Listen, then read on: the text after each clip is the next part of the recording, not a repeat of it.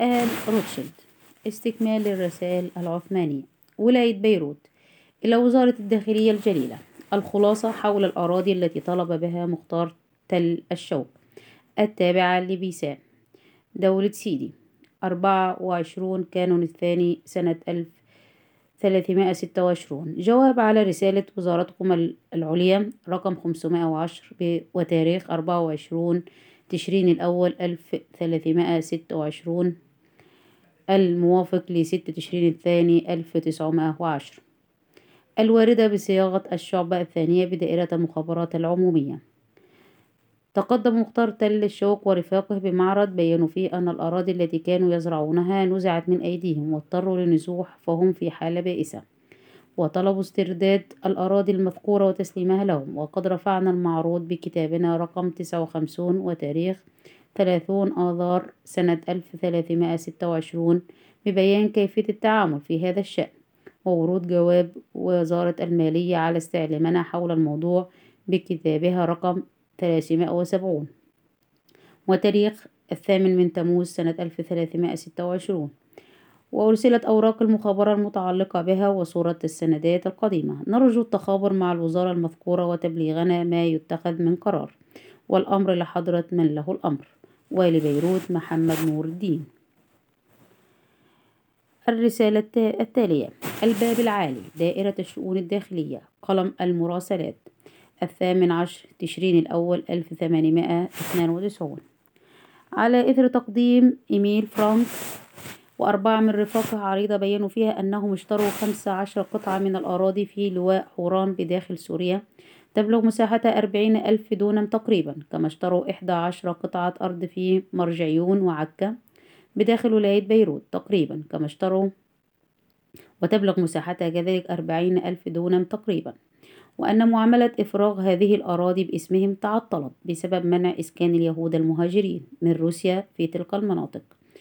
وأن هذه الأراضي ما اشتريت للمهاجرين. تمت الكتابة إلى ولايتي بيروت وسوريا بتاريخ السادس من شباط سنة 1307 بطلب إجراء معاملة الفراغ باسم هؤلاء في حالة تقديمهم الضمانات القوية بعدم إسكان مهاجرين من اليهود من أوروبيين وغيرهم وعدم إنشاء معابد ومدارس وغيرها من الأبنية. وتبين من العريضة التي قدمها المذكورون أخيرا بأنهم أعطوا تلك الضمانات القوية بصورة مصدقة. بعد طلب الحكومة المحلية منهم وأجريت معاملات الفراغ ودفعت قيمة الأراضي بالكامل ولكن سندات الطابو لم تسلم إليهم بناء على أمر الصدارة السامية. وقد رفعنا مذكرة إلى مقام الصدارة العظمى بتاريخ التاسع والعشرون من أيلول سنة 1308 مرفقة بالعريضة المذكورة ببيان أنه لما كان الامتناع عن إعطائهم سندات الطابو بعد تقديمهم الضمانات القوية. بعدم إسكان اليهود المهاجرين فيها وعدم إنشاء المعابد والمدارس وغيرها من الأبنية وإجراء كافة معاملات إفراغ تلك الأراضي لا يوافق العهد والمصلحة. الرأي لا يمكن منع رعايا الدول الموقعة على اتفاقية تملك الجانب من من تملك الأراضي في كافة أنحاء الممالك المحروسة باستثناء بلاد الحجاز.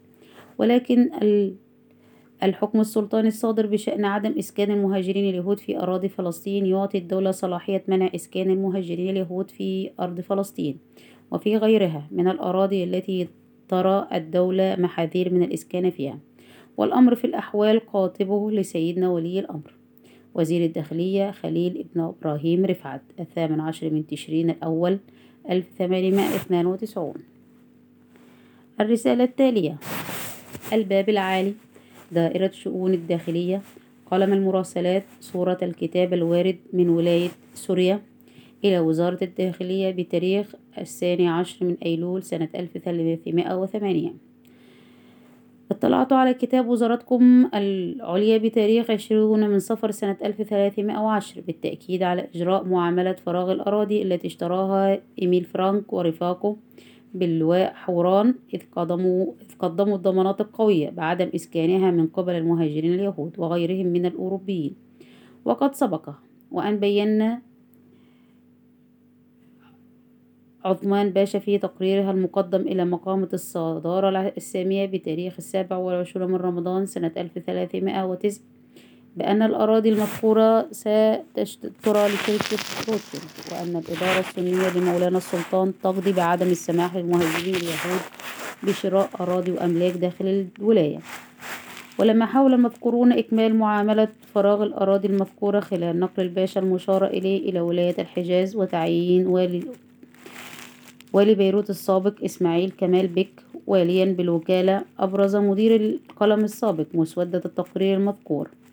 لكنهم لم يأبهوا بذلك كما أخفوا جواب الصدارة السامية على التقرير المذكور المتضمن إرادة السلطان بعدم إجراء معاملة فراغ تلك الأراضي.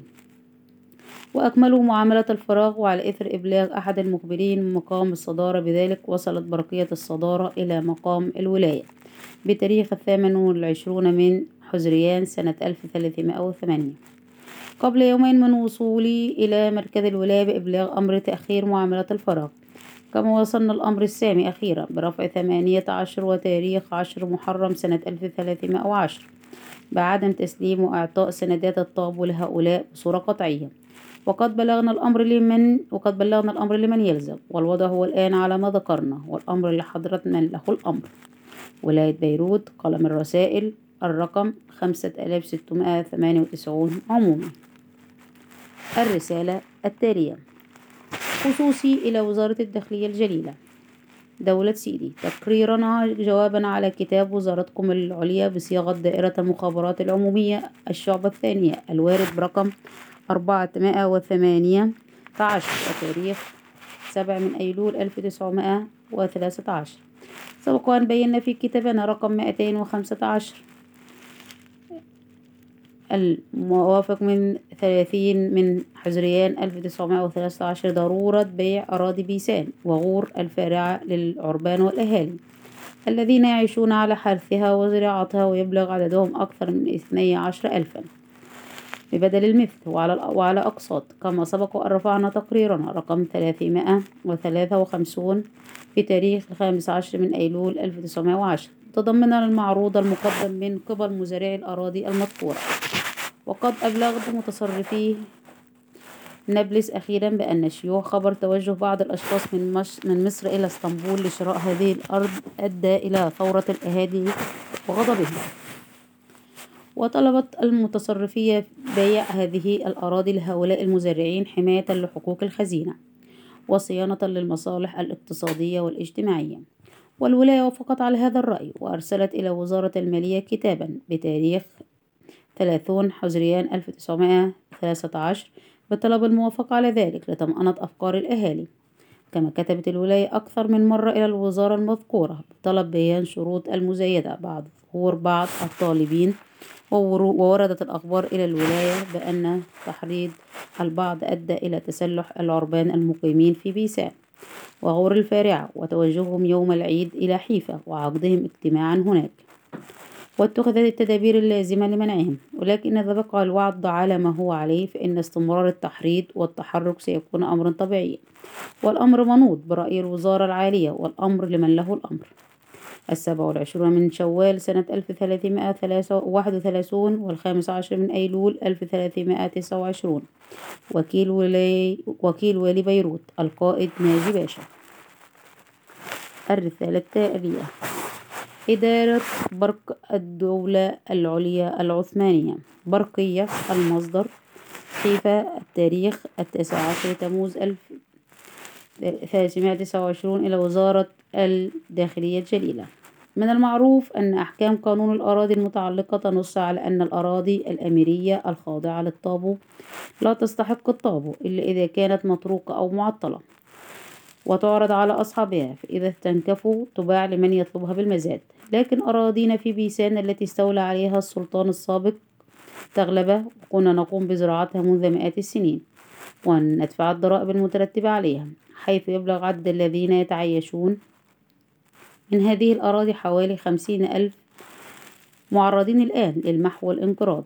وبالرغم من رجائنا بالعرائض التي قدمناها ببيعها لنا ببدل المثل فإن الحكومة تواصل عملية المزايدة على مجموع هذه الأراضي. إن بيع هذه الأراضي التي هي أغلى من حياتنا للمنظمات الأجنبية يعني التضحية بنا أيضا. ونحن مصممون على أن نموت ولا نسمح بذلك. وحتى لو أمكن تحصيل المبالغ المتوقعة بطردنا وإخراجنا من أرضنا فإنها لن تعادل بأي حال المبالغ التي ستصرف على الطرد والإخراج. وفي هذه الحالة ستتخلى الدولة عن رعاياها المطيعين وعن المال. في وقت واحد. لذلك فإن في حال الإصرار على بيعها نرجو بيعها لزراعها وأهاليها القدماء. ببدل المثل على أن تستوفي على أن تستوفى على أقساط. الموقعون رئيس عشيرة البقر من رؤساء عشيرة البقر رئيس عشيرة العرب الغزاوية رئيس عشيرة الغزاوية عبد الله محمد ظاهر بشير رئيس عشيرة البوالحي رئيس عشيرة حمور الغور من رؤساء الغزاوية من رؤساء الغزاوية.